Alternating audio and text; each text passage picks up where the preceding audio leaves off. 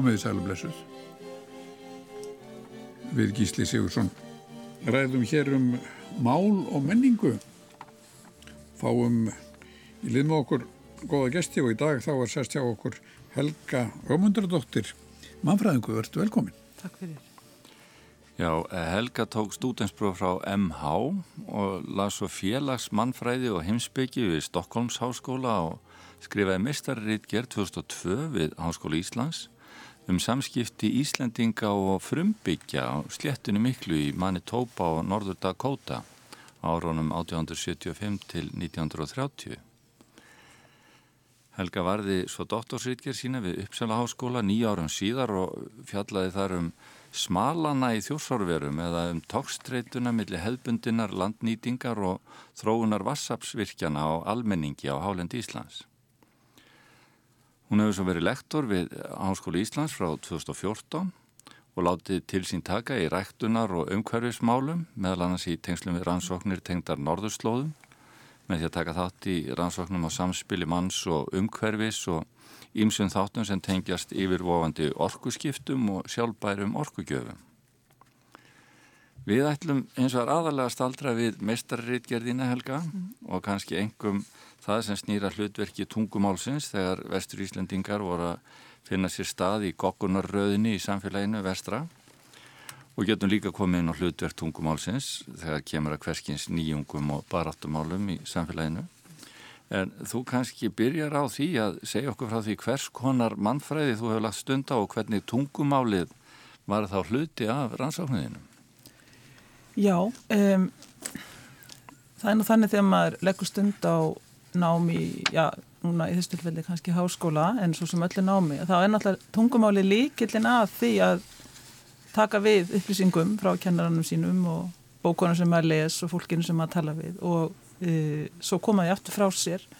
Núna ég, er ég náttúrulega kennari sjálf og, og hérna, þarf að nota tungumáli til þess að segja nefnundum mínum e, já, einstu leindarmál mannfræðinar Uh, þannig að það er bæði hér hittaða mál og hitt talaða mál sem er alltaf líkillin að því að, að uh, skilningur eigi sér stað, að fólk skilji hvað þeim er að ræða.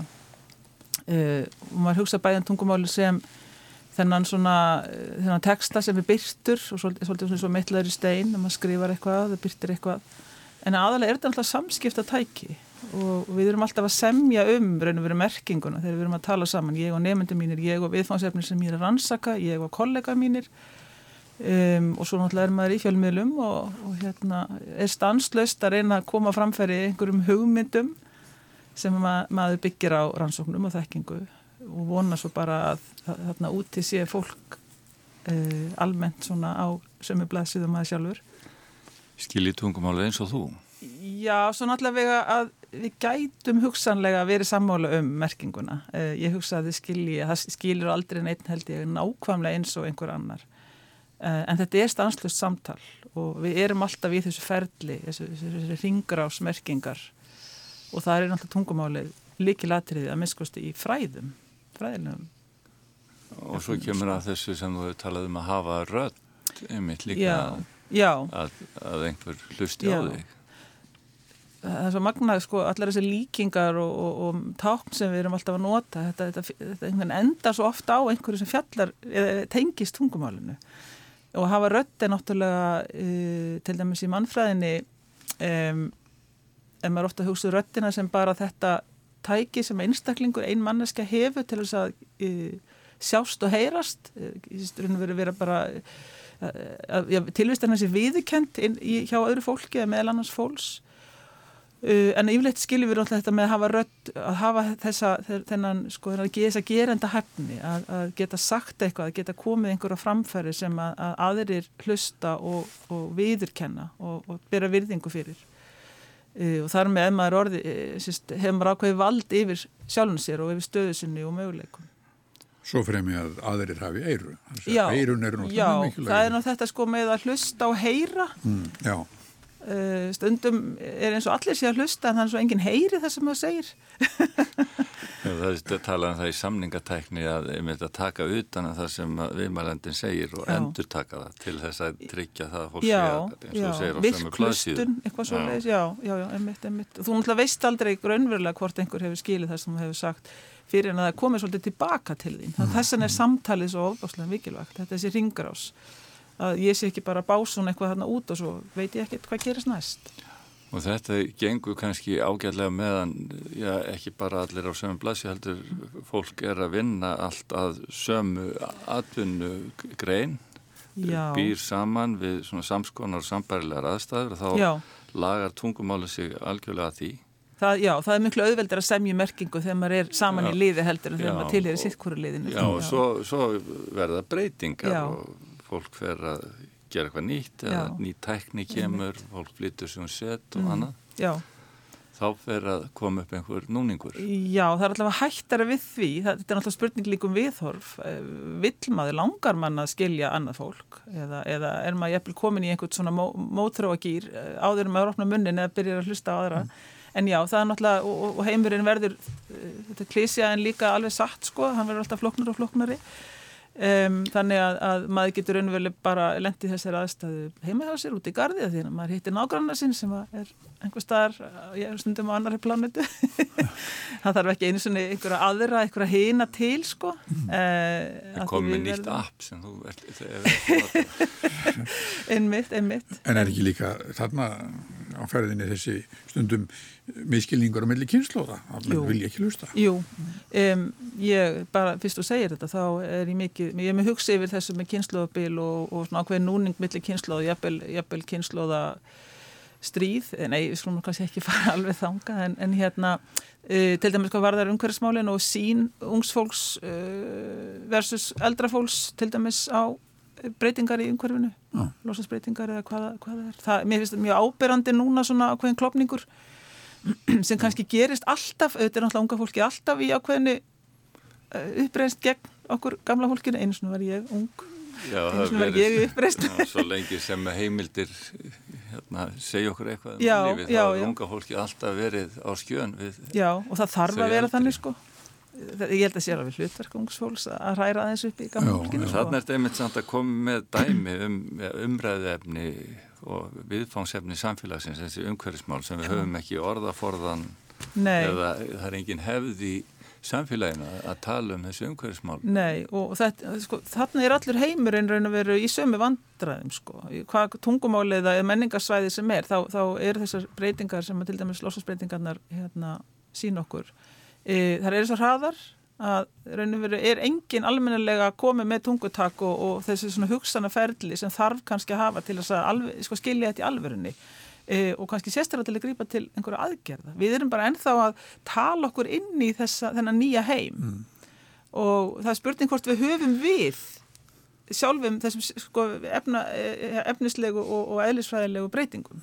Ég, ég sko ég stundum efast um það því við erum þó við séum nýjungagjöld til dæmis á Íslandi að, þá erum við samt mjög lengi ofta svona hugsa okkur inn í aðstæður, nýjar aðstæður um, sem hópur, ég er nú ekki að tala um einstaklingi er náttúrulega bara misfljóttir en, en við þurfum bara þennan tíma. Það er ekki hægt að íta þessu með einhverju valdi áfram sko. En þegar þú segir einmitt að allur heimurinn sé í svipum spórum, Já, sko nú er að verða að halda ráðstefnur, ráðstefnur á vegum saminuð þjóðana og já, það myndast ákveðið tungutak í kringum umhverfismálinn og eh, sem flestir eiginlega kynnast í gegnum fjölmiðla, gegnum fréttir. Já, og, og þetta, hættan er svo að þetta verði það sem Andri Snær kallar söð, þetta verði svona söð Já. bara sem engin menn, menn eh, kannski það, það næri eirum fólk sem menn hlusta samt ekki. Og svo þegar Greta Thunberg mætir Já. og segir hvernig dyrfist þið að draga lappirnar, Já. þá rökkva menn við hvað, er eitthvað í alvörunni í gangi? Já, já þetta er, og þetta er svolítið suð elítunar. Já. Pólitísku elítunar, uh, forsvarsfólks, stórfyrirtækja sem hittast á þessu ráðstöfnum. E, og almenningur, hérna fólkið hérna á gólfinu sem er nú bara svona að, að reyna að lifa af sko, mm. almennt e, hérna í heiminum, Þa, það verður svona þykjendur sko, það verður aldrei þáttækendur í þessu e, og þessan er þetta söð. Mm. Og hluta því að, að þessi orð, þessi orðræða eins og talaður um, hefur ekki merkingu fyrir venlegt fólk. Fólkið á rástefnunum er búið að tilenga sér þetta og veit hvað stendur á bakvið orðin en eh, við hinn erum við látum þetta bara söði í erónum á okkur mér finnst þetta aldrei hlýðstætt við banka umræðuna Já. að hrunið var til þess að maður þurfti að uh, læra miklu meira orðum heldur en svona áhugi var kannski fyrir Já. og kynna sér hagfræð og bankamál sem er kannski ekki mjög spennandi en, allt, en maður skildi þá að það voru, var eitthvað á baku öll orðin sem Já. voru notið í þessu. raunveruleiki Já. sem að sko e, e, var mjög harkalegur var ekki, sko, þegar hann skellur á manni þá nefnilega er hann, verður raunveruleikin raunverulegur sko, en það, já, þá einmitt kemur þessu með tungumálið, sko, það er nefnilega svo lagskipt, það eru svo ólíkir hópar bæði innan samfélags og, og bara á, á hérna, heimsmæli hverða sem hafa, þó við tölum sama tungumál, við, við nefnum það íslensku hérna á þessu landi e, að þá erum við að tala samt nota tungumála svo ólíkan hátt og, og bara orða e, hérna, bara orðin sem við notum eru svo ólíka eftir hvar maður stendur í samfélaginu. Þannig að ná tökum á og, og, og hafa vald yfir til dæmis sérfræðimáli það, það er náttúrulega bara ekkit sjálfgefið en það er líkill ofta að þessu valdi bæði valdi yfir þekkingu og líka gerandavaldi að, að maður viti þá hvað maður á að gera næst gera, gera þeir rétta eins og Já, er verið að bóða já. í nýjustu Hollywood myndinni Einmitt. Og þá er þetta, þetta leiður auðvitað hugana því sem menn hafa verið að ræða upp á síðkasti þar að segja þessar kannanir, písakannanir á, á leskilningi ef að ef ákveðnir hópar ná ekki að tilenga sér. Uh, tungumál uh, hvorki eiginlega kannski venjul almennt tungumál nýja held og hvað þá ekki uh, mál sko elítunar eða þeirra sem stjórna þá, eiga þeir, þá minkar þeirra möguleikar Þeir verða náttúrulega bara raun og verið alveg passífur ef maður notar það mm, mm. og talað um að líðræði verði óvirt Já, eða fólk getur já. ekki kynnt sér þekkinguna sem á bakvið ákvarðanir og umræðina Einmitt. býr. Já, En- til dæmis þú ætlar að, að taka þátt í kostningum, það verður nú að vita fyrir hvað fólk stendur sem allir að kjósa. En þetta er einmitt, svo verður þetta kannski, við erum hér í mér í svona kannski þjóðfélagsumræðu samtímas en það er ofta auðveldar að horfa tilbaka og sjá einmitt hvernig þetta virkar eins og þinni rannsókn á vestur Íslandinguna. Já, rauninni er svona skólabókardæmi um nákvæmlega þetta, Já. hópur fólks sem kemur Mállaus. Mm. inn í nýtt samfélagi, já, með ágætt tungumál um landbúnað og fiskveðar í gamla landinu, Já, já.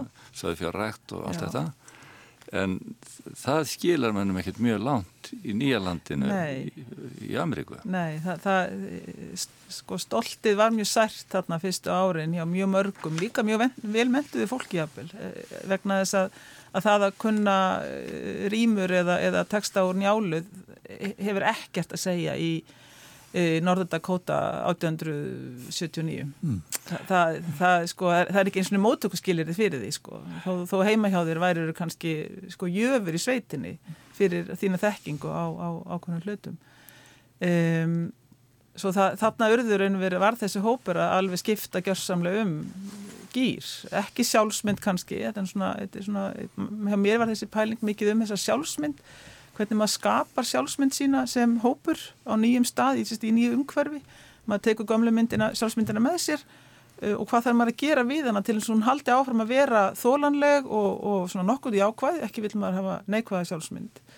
Uh, en líka þannig hún verði einmitt tæki til að koma sér áfram, að miskosti börnunum sín, maður sér það líka þarna talandi um kynnslöðuna sem við vorum að tala um áðan að það voru þarna margir uh, sem að kannski svolítið gáfust upp eldra fólk sem lærði ekki endilega enskuna almennilega, en það hugsaði og, og, og talaði mjög skýrt um það í brefum og dagbókum að það vildi miskust að börnin uh, yrðu gildir þegnar og, og fengju alla þá möguleika sem að, að hægt var að hafa í hinnu nýja samfélagi. Og það er mjög holdt að horfa á þetta í ljósi þess að við erum sjálfvorðin móttökuland fyrir flottamenn og, og innflytjendur og, og farandverka fólk uh, sem er, uh, ég myndi segja, er alltaf með þessa sömu hugsun að það vil náttúrulega skapa sér eh, gott líf en sérstaklega fyrir börnin sín. Þannig að við getum speglað reynslu okkar landa Já. vestra og, og reyndi einhvern veginn að læra því horfa á hlutina úr annari átt Já.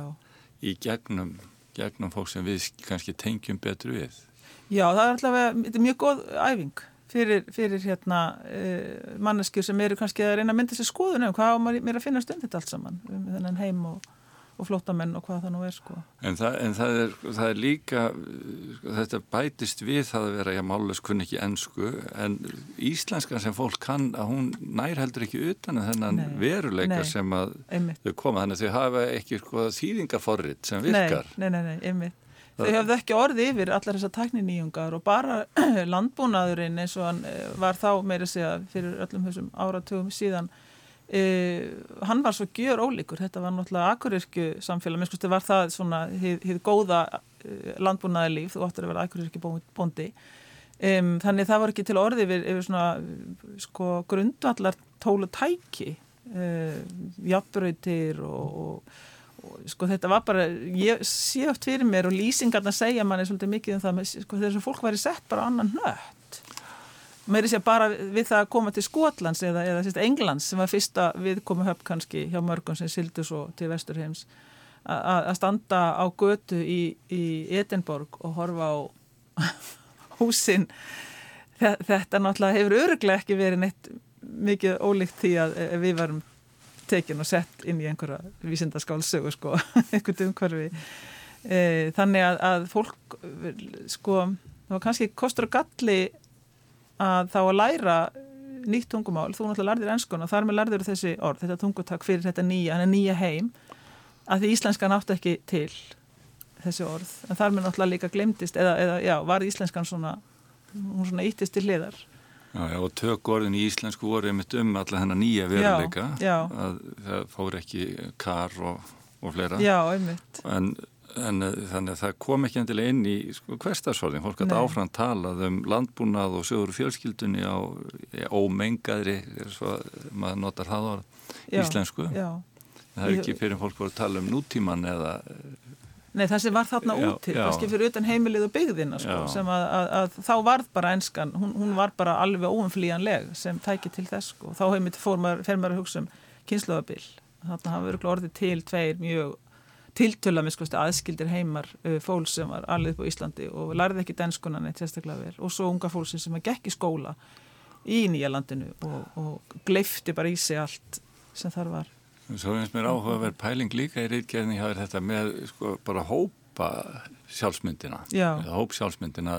Það er rauninni þjóða, þjóðar uppbyggingin hún er bara í vinslu hér á landi Já, þegar fólki fer. einmitt. og það er ekki komið með þessa sterku þjóðerniskend sem að við ímyndum okkur að hafi verið hérna, ríkjandi hjá öllum Já, og svo lendir það í þarna, já, þjóðahafinu vestra. já, og þetta er allt aðrar aðstæður Mm. til að byggja upp sjálfsmynd sem hópur.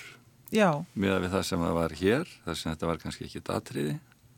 Einmitt. og svo koma þarna í nýja, nýja heiminn Já, þetta, þetta, er- ég, sést, ég skýr svolítið á milli, eða sérst grein á milli eh, náttúrulega annars vegar Manitoba í Kanada og hins vegar Norðardakóta í Bandaríkjunum. Því þetta er náttúrulega ólík ríkja þessum tíma uh, orðin, þóttu séu hvort ekki að nýlenduríki þá eru þau að sko, þau eru í mjög, mjög ólíkum farvegi sérst, í sinni sköpun, í sínu, sínu hérna, fjölþjóðlegu hérna, stórvelda sköpun um, en, en uh, fólk, eins og þú segir, fólk hér hafði ekkit í andlitinu alla daga einhverja hina, það var ekkit, ekkit við engan að berjast eða ekki hér á Íslandi Nei, Já, já, það þurfti ekki að aðgreina sér frá einhverju allt öðruvísi fólki eða jafnvel, hérna, manneskjum sem ekki voru álit, álitnar almennlegt fólk eins og er mjög oft í þessum fjölþjóðlegu eða þessi flóknu samfélögum.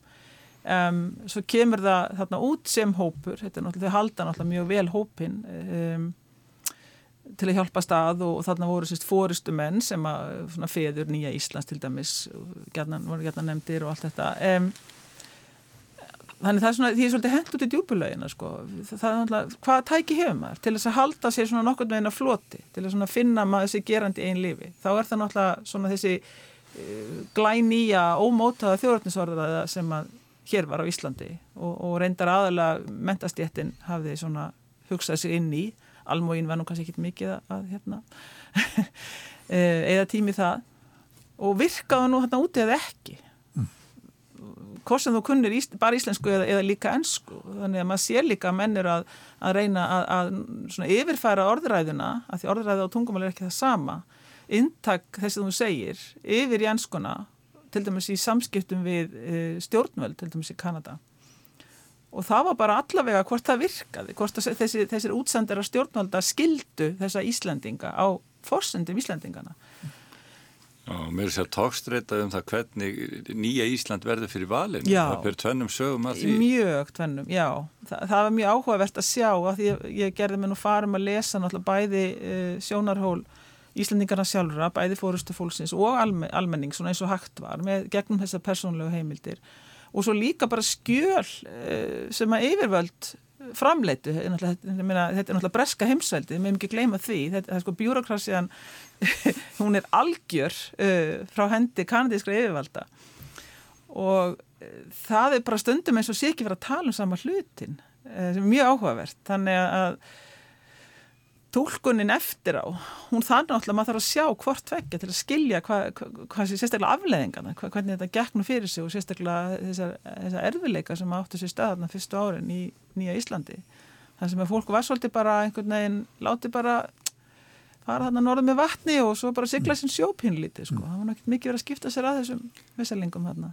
En, en þetta er einmitt svo mikið atriði í þessu hjá líka, það er þessi eftir á skýring, þessi tilbúningur á hópnum eftir á. Já, Ef þú horfir á þetta frá hverjum út frá einstaklingum, þá er allt önnur mynd sem blasir við. Það Já. er ekki þessi samheldni hópur vestur Íslandinga nema landi nýjum nýju- Endurtaka já, landnámið. Já, endur taka landnámið og all þessi hugmynd sem er Mm. búin til eftir á. Já Þetta er ekki upplifum fólksins. Nei, er að gerast. þar, þar fær maður þessa ótrúlega miklu, já, bara flóknu mynd. Það er náttúrulega reyndar þannig að lang flestir texta sem við sem varðvist hafa, það sem er einhvers konar frásagnir, eru náttúrulega frá þeim sem voru læsir og skrifandi, karlmenn, tiltölulega betur mentað og betur stætt fólk. En, en, en þegar maður fær þessa, þessa örfáu sko, hérna, svona þess að pínu litlu glugga inn í afdrif venjulegs fólks, hvenna, vinnufólks, yngra fólks, uh, fólks sem ekki fór þessar svona tróðunu slóðir, uh, að þá fær maður einhver alltara mynd og, það, og hún rýma svo miklu betur við um, hvernig nýlendur samfélag byggðust og byggjast upp.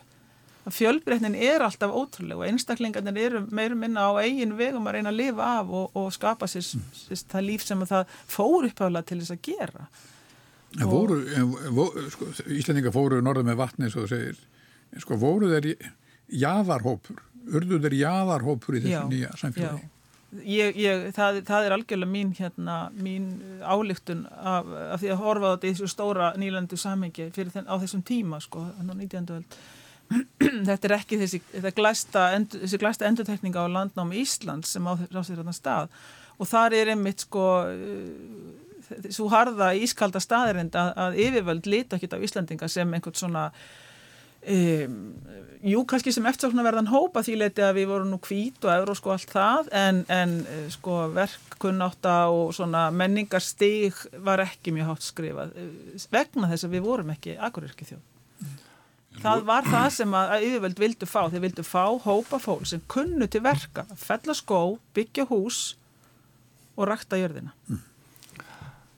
Og líka komið veg fyrir flóð í ánum, það var eitt sem var, var viðvarandi vandamáli nýja Íslandi, Já. þannig til úgrænumennir komu Já. og kentu fólki að losa um stíplur í, í áni, Já. Með að það hætti að flæða, Já, þetta var bara náttúrulegmál fram að því. Já, það var það náttúrulega á Íslandi, hér, hér bara þurftu menn einhvern veginn að setja sig við það sem að náttúran bauð upp á, en, en í, í, í mörg þúsund ára gömlum menningaríkjum mið-Evrópu var það náttúrulega uh, þessi, þessi stjórnun á náttúrunni bara sjálfsagt mál.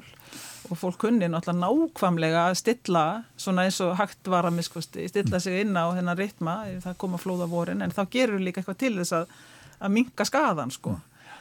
En þú, þú fjallar dálítið um samskiptin við innfætta á þessu Já. svæði en þar hafa menn ekki lært, þar, þar hafa menn kannski ekki lært það sem yfirvöldinni vildaði lærðu. Þar hafa þau lært frekar og kannski eh, frekar eh, hefðbunnar veiðaðferðir eða hvað? Já, sko þegar þú vart stattur uh, jafnvel að hausti til og það er orðað að seint að gera nokkuð skapaðan hlut til þess að undirbúa sér fyrir veturinn og það er nú engin smá vetur sem fólk hérna fekk þarna í andlitið með 30 stíða frosti og, og, og bara miklum hörkum og, og náttúrulega vegalindirna alveg gífurlegar, það var ekkert skroppið á næsta bæ til að ná sér í eitthvað að borða eða einhverja hjálp. Um, að þá náttúrulega varð vatnið fiskveðir í vatninu það sem bjargaði fólki mm. þessum miskosti auðvitað náttúrulega voru einhverjar byrðir sem menn fengum með sér frá yfirvöldum en það endist nú virtist vera skamt og, og ekki allir sem kannski nutu góðs af því. Um, og þá lærði náttúrulega fólk mest af þeim sem kunnu á þetta umhverju og það voru frumbyggjarnir. Þarna voru engir aðrir hópar komnir á þessum tíma þarna uppur 1875 í Kanada.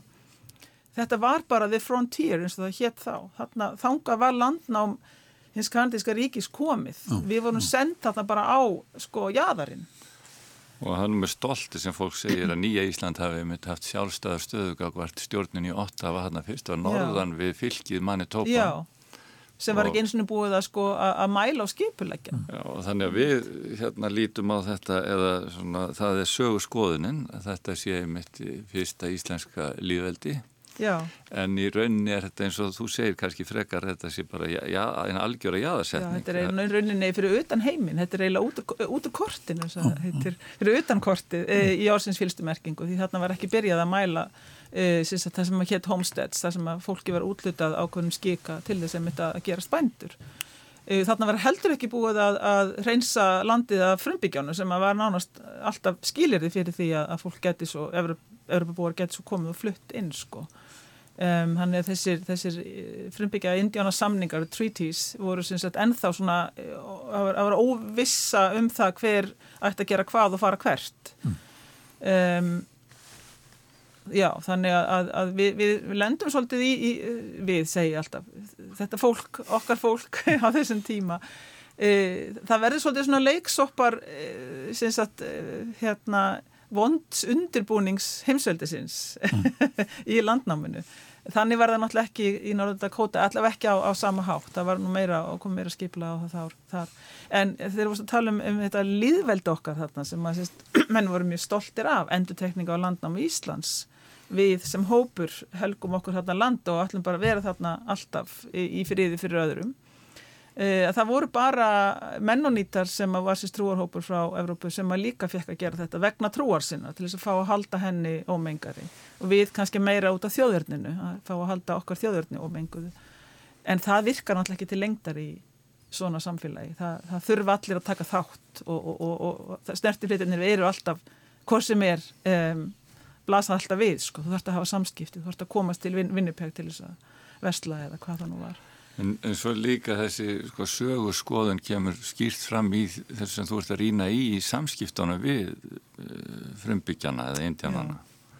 Þar er einmitt uh, svona einn sakfræðilegi veruleiki kannski ekki alveg eins og fólk hefur endurbyggt byggt, uh, þessi samskipti í, í minningum sínum. Nei, það er gaman að ég myndi að bera saman svona munlega geimt og sögur og þessar óljósum hugmyndir sem að hinn munlega geimt náttúrulega eh, byrtir eða miklu meiri svejanleiki og svona þú hefur svolítið val um hvernig þú segir söguna sem er náttúrulega það sem sögur eru og verða að vera og svo lesum maður þessar hörðu staðrindir hérna, atbyrði og, og ferli sem bara eru bara með ártölu og, og nákvæmlega niður njörfið og þá fær maður einmitt uh, ekki þannig þessi ósamrýmanlegt en, en þetta eru bara tvær hliðar á sama máli Þannig að maður getur ekki skilið aðra hliðin en maður skoðar ekki hérna mjög umgjafilega og, og svona fær svona út einhvern sannleika sem að Þannig að þú ert að segja að þetta sé ekki bara þannig að indianir hafi verið svona hjálpsamir, kjent fólki að, að veiða og, og draga björg í bú mm. Og, og Íslendingar hafi verið svo ánaði með þá og hérna verið þeirra bestu vinnir, það hafi eitthvað annað Já, já gerjast undir. Já, það er náttúrulega, þá, þá kemur aftur að tungumálinu. Þegar þú lærir nýtt tungumál, þá lærir þú líka nýja, nýjar aðferðir að leiði til þess að hugsa og skilja og tólka og þú staðsetur þig náttúrulega á nýjum stað út frá þessu nýja tungumáli. Hvar tilher ég? Hverjum tilher ég? Er ég hluti af, af hérna, svona efri lögunum í þessu nýjum samfélagi eða er alltaf ég að vera þarna neðst á botninu meðal Indjánana og Írana? Og gætnan Íra voru mjög stimplaðir þarna sem, sem óalandi og óferjandi fólk sérstaklega í bandaríkjunum. Um, og ég meina við getum bara sett okkur í spórfólks, hvar viltu vera? Viltu mm. vera einhver, einhver sko lúser? Eða, eða allar að, að eiga möguleika á að klifra uh, komast í álunir og sérstaklega þetta með börnin sko, meina, hvar, hvar viltu að börnin þín endi? Uh, þannig að, að, að það að klifra upp meturðarstígan gegnum til dæmis að læra ennskuna almennilega, það er náttúrulega alltaf nokkur maður sem að sko valdi að gera það ekki á þessum tíma uh, svo lendi fólk svo sem í mismandi aðstæðum og sem er bara urðu að gera svo vel að láta sér linda að vera fiskimenn á vinnupegvatni og, og fiska með vindjánum sko. En, en læriðu menn þurftu Íslandingar sem hópur að, að læra sko kynþáttahyggju þeir Já. koma úr þessu samfélagi hér þar sem uh, blóð gerum undir helgarskinn sem langu orðið útdreift uh, og, og hafa aldrei séð kannski neitt nokkra mannesku sem var dekra hörunda þeir sjálfur mm. og síðan hitta þeir frumbyggjana og uh, þurftu þeir að læra um leið og tungumálið að jafnilega þessi frumbyggjar væru þeim óæðri. Já, það koma svona, það koma þessar svona ákveðinu staðalmyndir, tungumálið er náttúrulega enskan á þessum tíma, það er náttúrulega fulla staðalmyndum, mm. bara fordómum, gagvart, ólíkum hópum, í þessu tilfelli sérstaklega frumbyggjanum.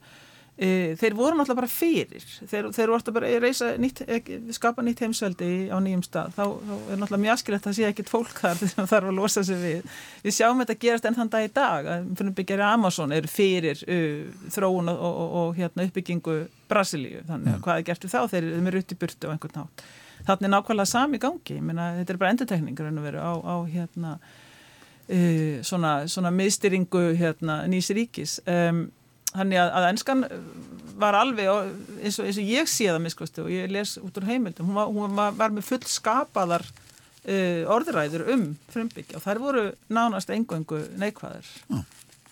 Og ef þú lardir ennskuna þarna af sérstaklega einhverju svona yfirstjætt þá bara gleiftur þetta rátt sko. Þannig að það var einhver ekki duman að ræða heldur en kannski að, að að taka bara þátt í þessu. Mm. Maður sér hins vegar alveg aðra, aðrar orðræðir, sérstaklega gegnum íslenskuna, að, að það er verið að tala um henn guðvega villimann og, og vorkina fólki náttúrulega og sem við sáum þarna líkindi meðal eh, sérst, með, með sínum, sínum örlegum á Íslandi, fátakt og, og, og erfiða aðstæður og frumbyggjana sem að allir náttúrulega vissuinstinni að voru þarna frum þjóð, hafði verið þarna alltaf löngu-löngu áður en að örbubúar mm. byrjuð að hasla sér völd.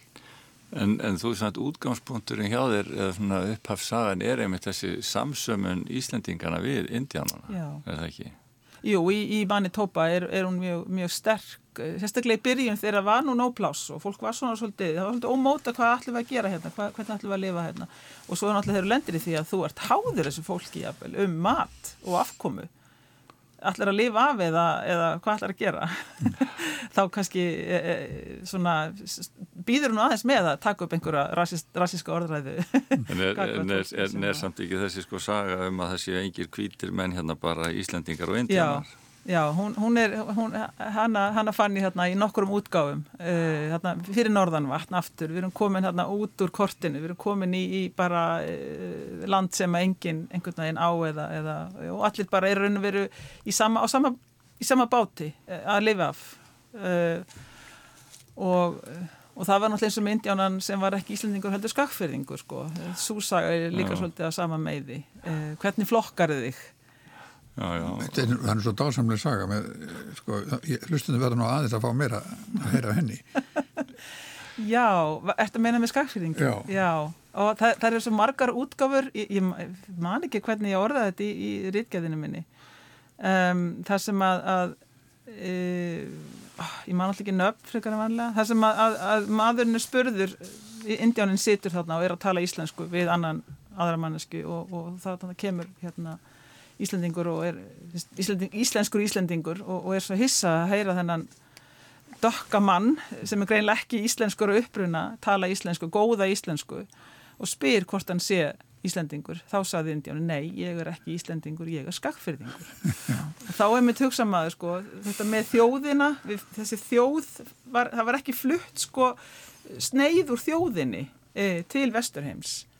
Heldur voru þetta sveitungar, það voru mývetningar, það voru skakfyrringar, það voru þingæðingar, skiljiði? Já, já, e, e, og, og auðvitað náttúrulega heldum enn hópin gegnum það og, og, og samsöminin var kannski mjög lengi, hérstaklega hjá eldrafólki, sterkari við uppurinn að sveit sína heldur en eitthvað Ísland Já, það, og það er einmitt svo erfitt fyrir okkur að hugsa okkur aftur fyrir þess að þjóðarhugmi. Já.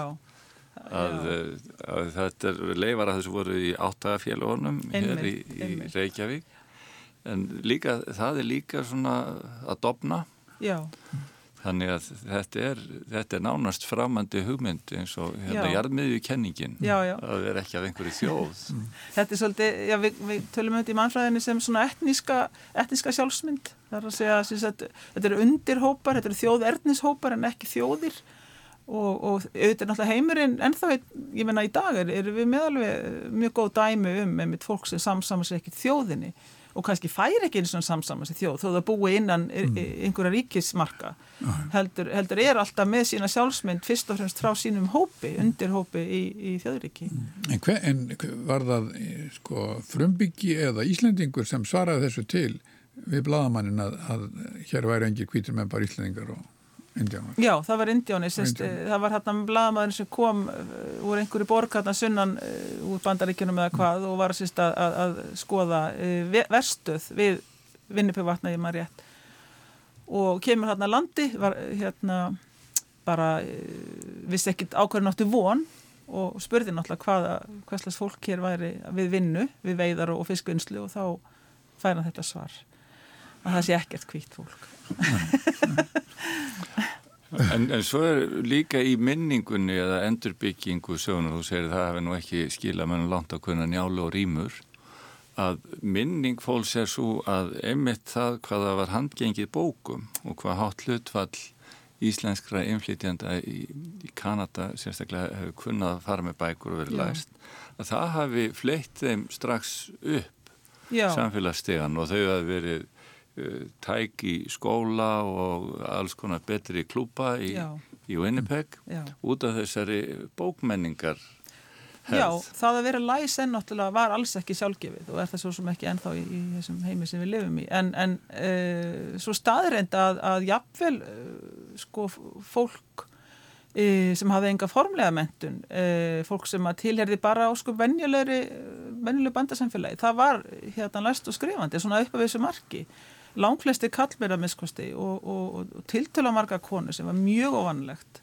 og náttúrulega börn þurftu náttúrulega að kunna uh, ákveðina texta til þess að geta fermst á Íslanda þessum tíma. Uh, þetta flýtir náttúrulega gríðilega fyrir til dæmis í formlegu uh, skólakerfi sem er náttúrulega komið þarna á fót bæði bandaríkja megin og Kanadamegin að, að, að bara það kunna stafrófið.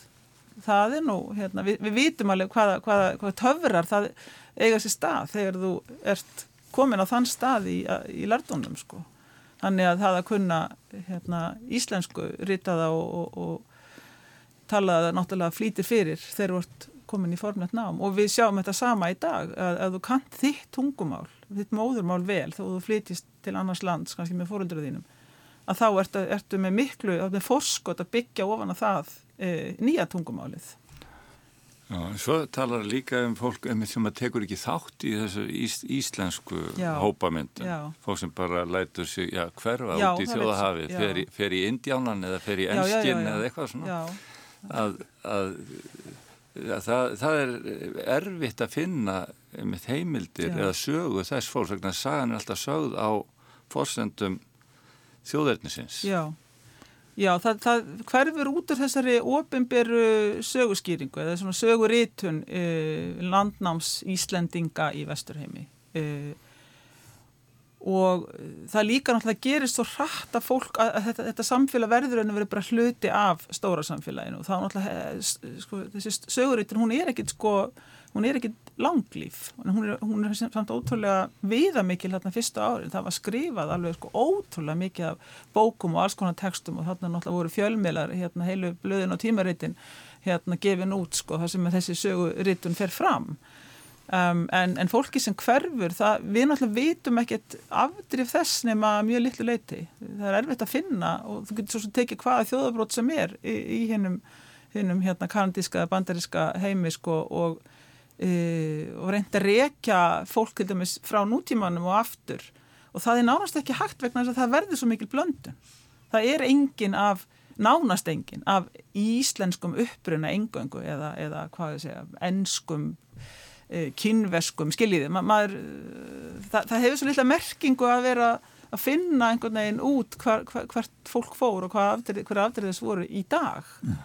Er, er, er það ekki einlega álíktun að sjálfsmyndin er svo mikið val Já. og þú velur hvaða þjóðverðni þú vilt uh, hafa svona framann á þér Já, já í fjölþölu samfélagi þá er já. það eh, oftast, það reyndar er nú eh, náttúrulega mjög stert í til dæmis bandarísku samfélagi þá er nú litarháttur fólks ótrúlega takmarkandi Um, þannig að þú flýrir nú ekkit auðveldlega þinn etníska uppruna eða þú ert til dæmis afro-amerikan af afriskum uppruna um, eða asískum eða hvað við kallum það sem reyndar er nú fyrir mig sem mannfræðing það var alltaf svona að býta hvað meinur asískum uppruna? Asi er vísna stór, eftir að meina austur, söður, mið, vestur? Mm.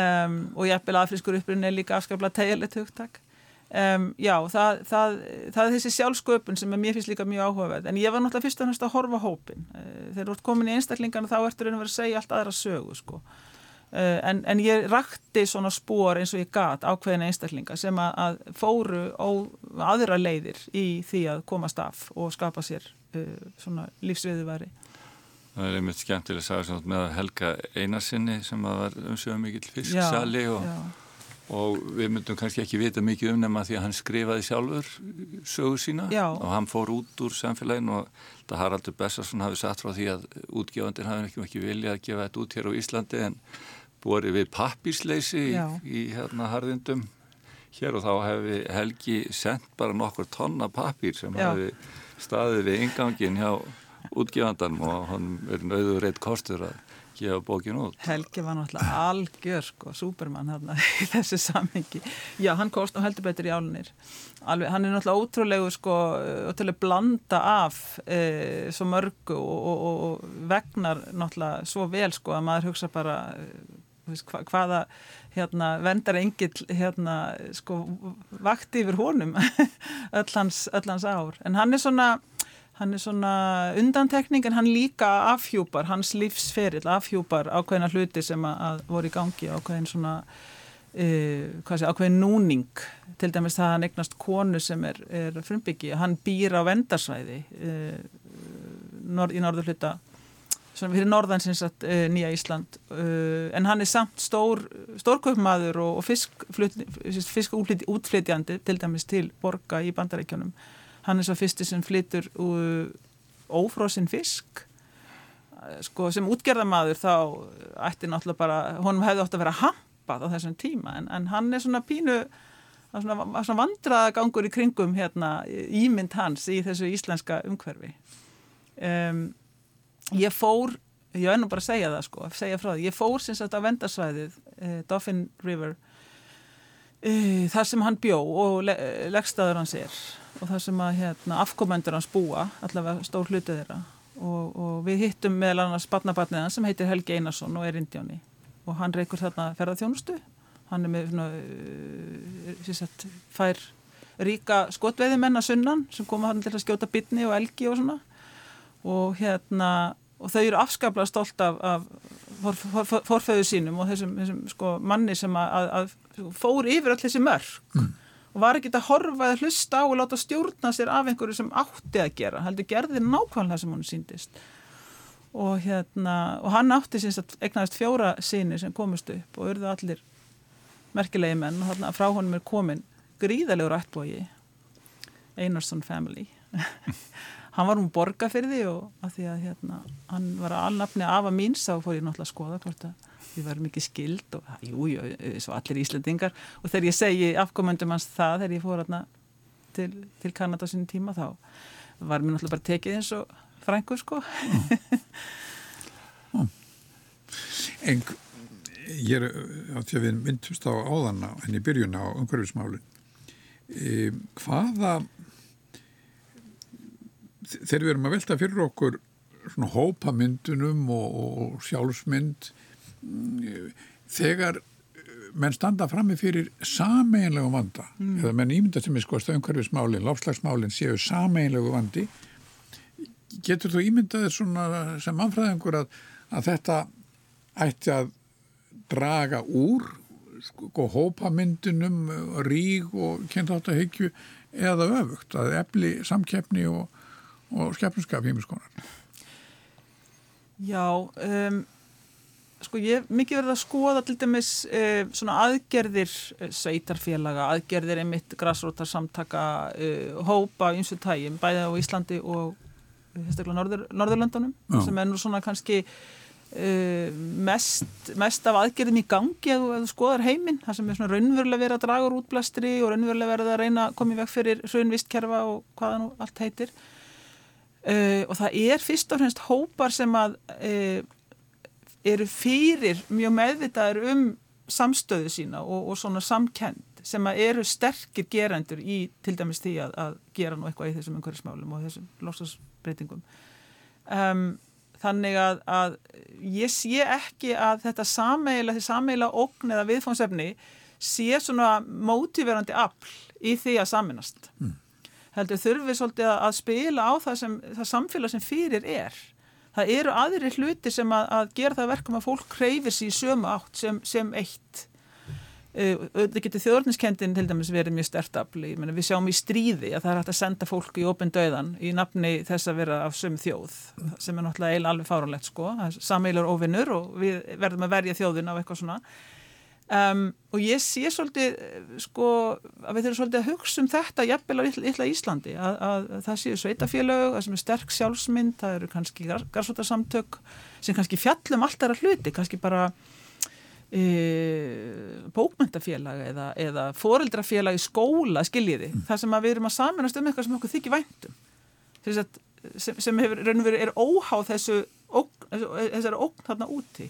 Þar verður er dýnamíkin að gera eitthvað. Um, maður skildi halda jú að, að þjóður getur nú saminast og það er nú verið að reyna það á þessum stóru fundum mm.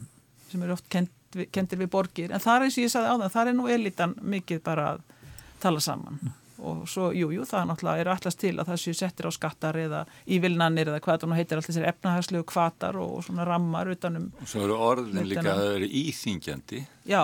Þetta eru íþingjandi aðgerðir alltaf. Já, já, já, það er sko skamtíma, skamtíma hugsunin er svo að það er íþingjandi en til langstíma á það að vera betra og við, við vitum náttúrulega hvernig okkar efnahagskerfi alls heimsins virkar. Það er alltaf skamtíma lausnir það er engin að hugsa raunverulega um aðgerði núna sem að hafa áhrif eftir 100 ári eða ég vil ekki bara 50 ég vil 20 ári er alveg óhugsandi, nei það, ég, ég ætla ekki að vera í pólitík þá sko.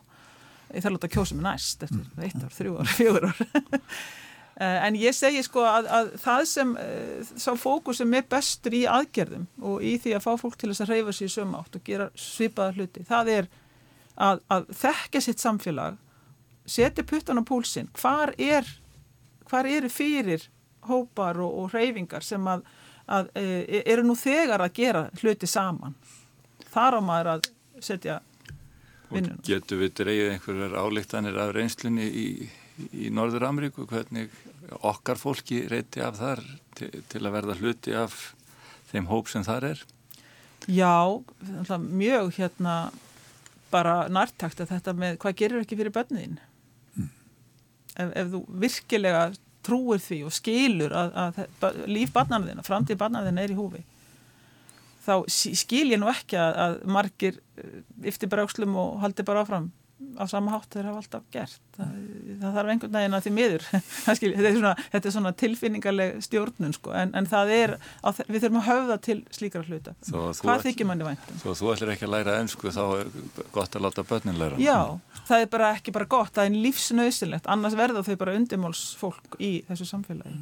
Er hugsanlegt að farsýmin leysi tungumálinu á holmi þar að segja að, að mm. það verði svona sameinlegu vitund að verða auðveldar að koma upp einhvers konar sameinlegri þekkingu, sameinlegri vitund. Hún er nú þegar, já, hún er nú þegar náttúrulega orðin til. Við erum myndir ekki búin að, sem mannkinn ekki búin að hafa farsima lengi en, en sko tungumál, talandi um hvað tungumál er sko, það er líka tákn og myndir og allskinn svona hugreiningar sem er ekki yrtar, mm. heldur meira bara einhvern veginn skildar og, og verandi sjálf þáttakandi í stórum hópum sem eru sko algjörlega nattvætir að það er náttúrulega alveg sko ótrúlegt að sjá hvað þetta gerist hratt og, og hvað er hægt að gera. En við kannski kunnum þetta ekki alveg þá en við þurfum samt að læra það sko. Mm. og það er þetta að læra að tala um þessa nýju hluti sem við erum stanslust að horfast í augu við. Nýðurstaðan tölum og tölum. Og lærum og lærum. Helga Augmundardóttir lektor í mannfræði við Háskóri Íslands. Bestu þakki fyrir að koma í þetta samtal við okkur gísla og hlustundur. Takk hérlega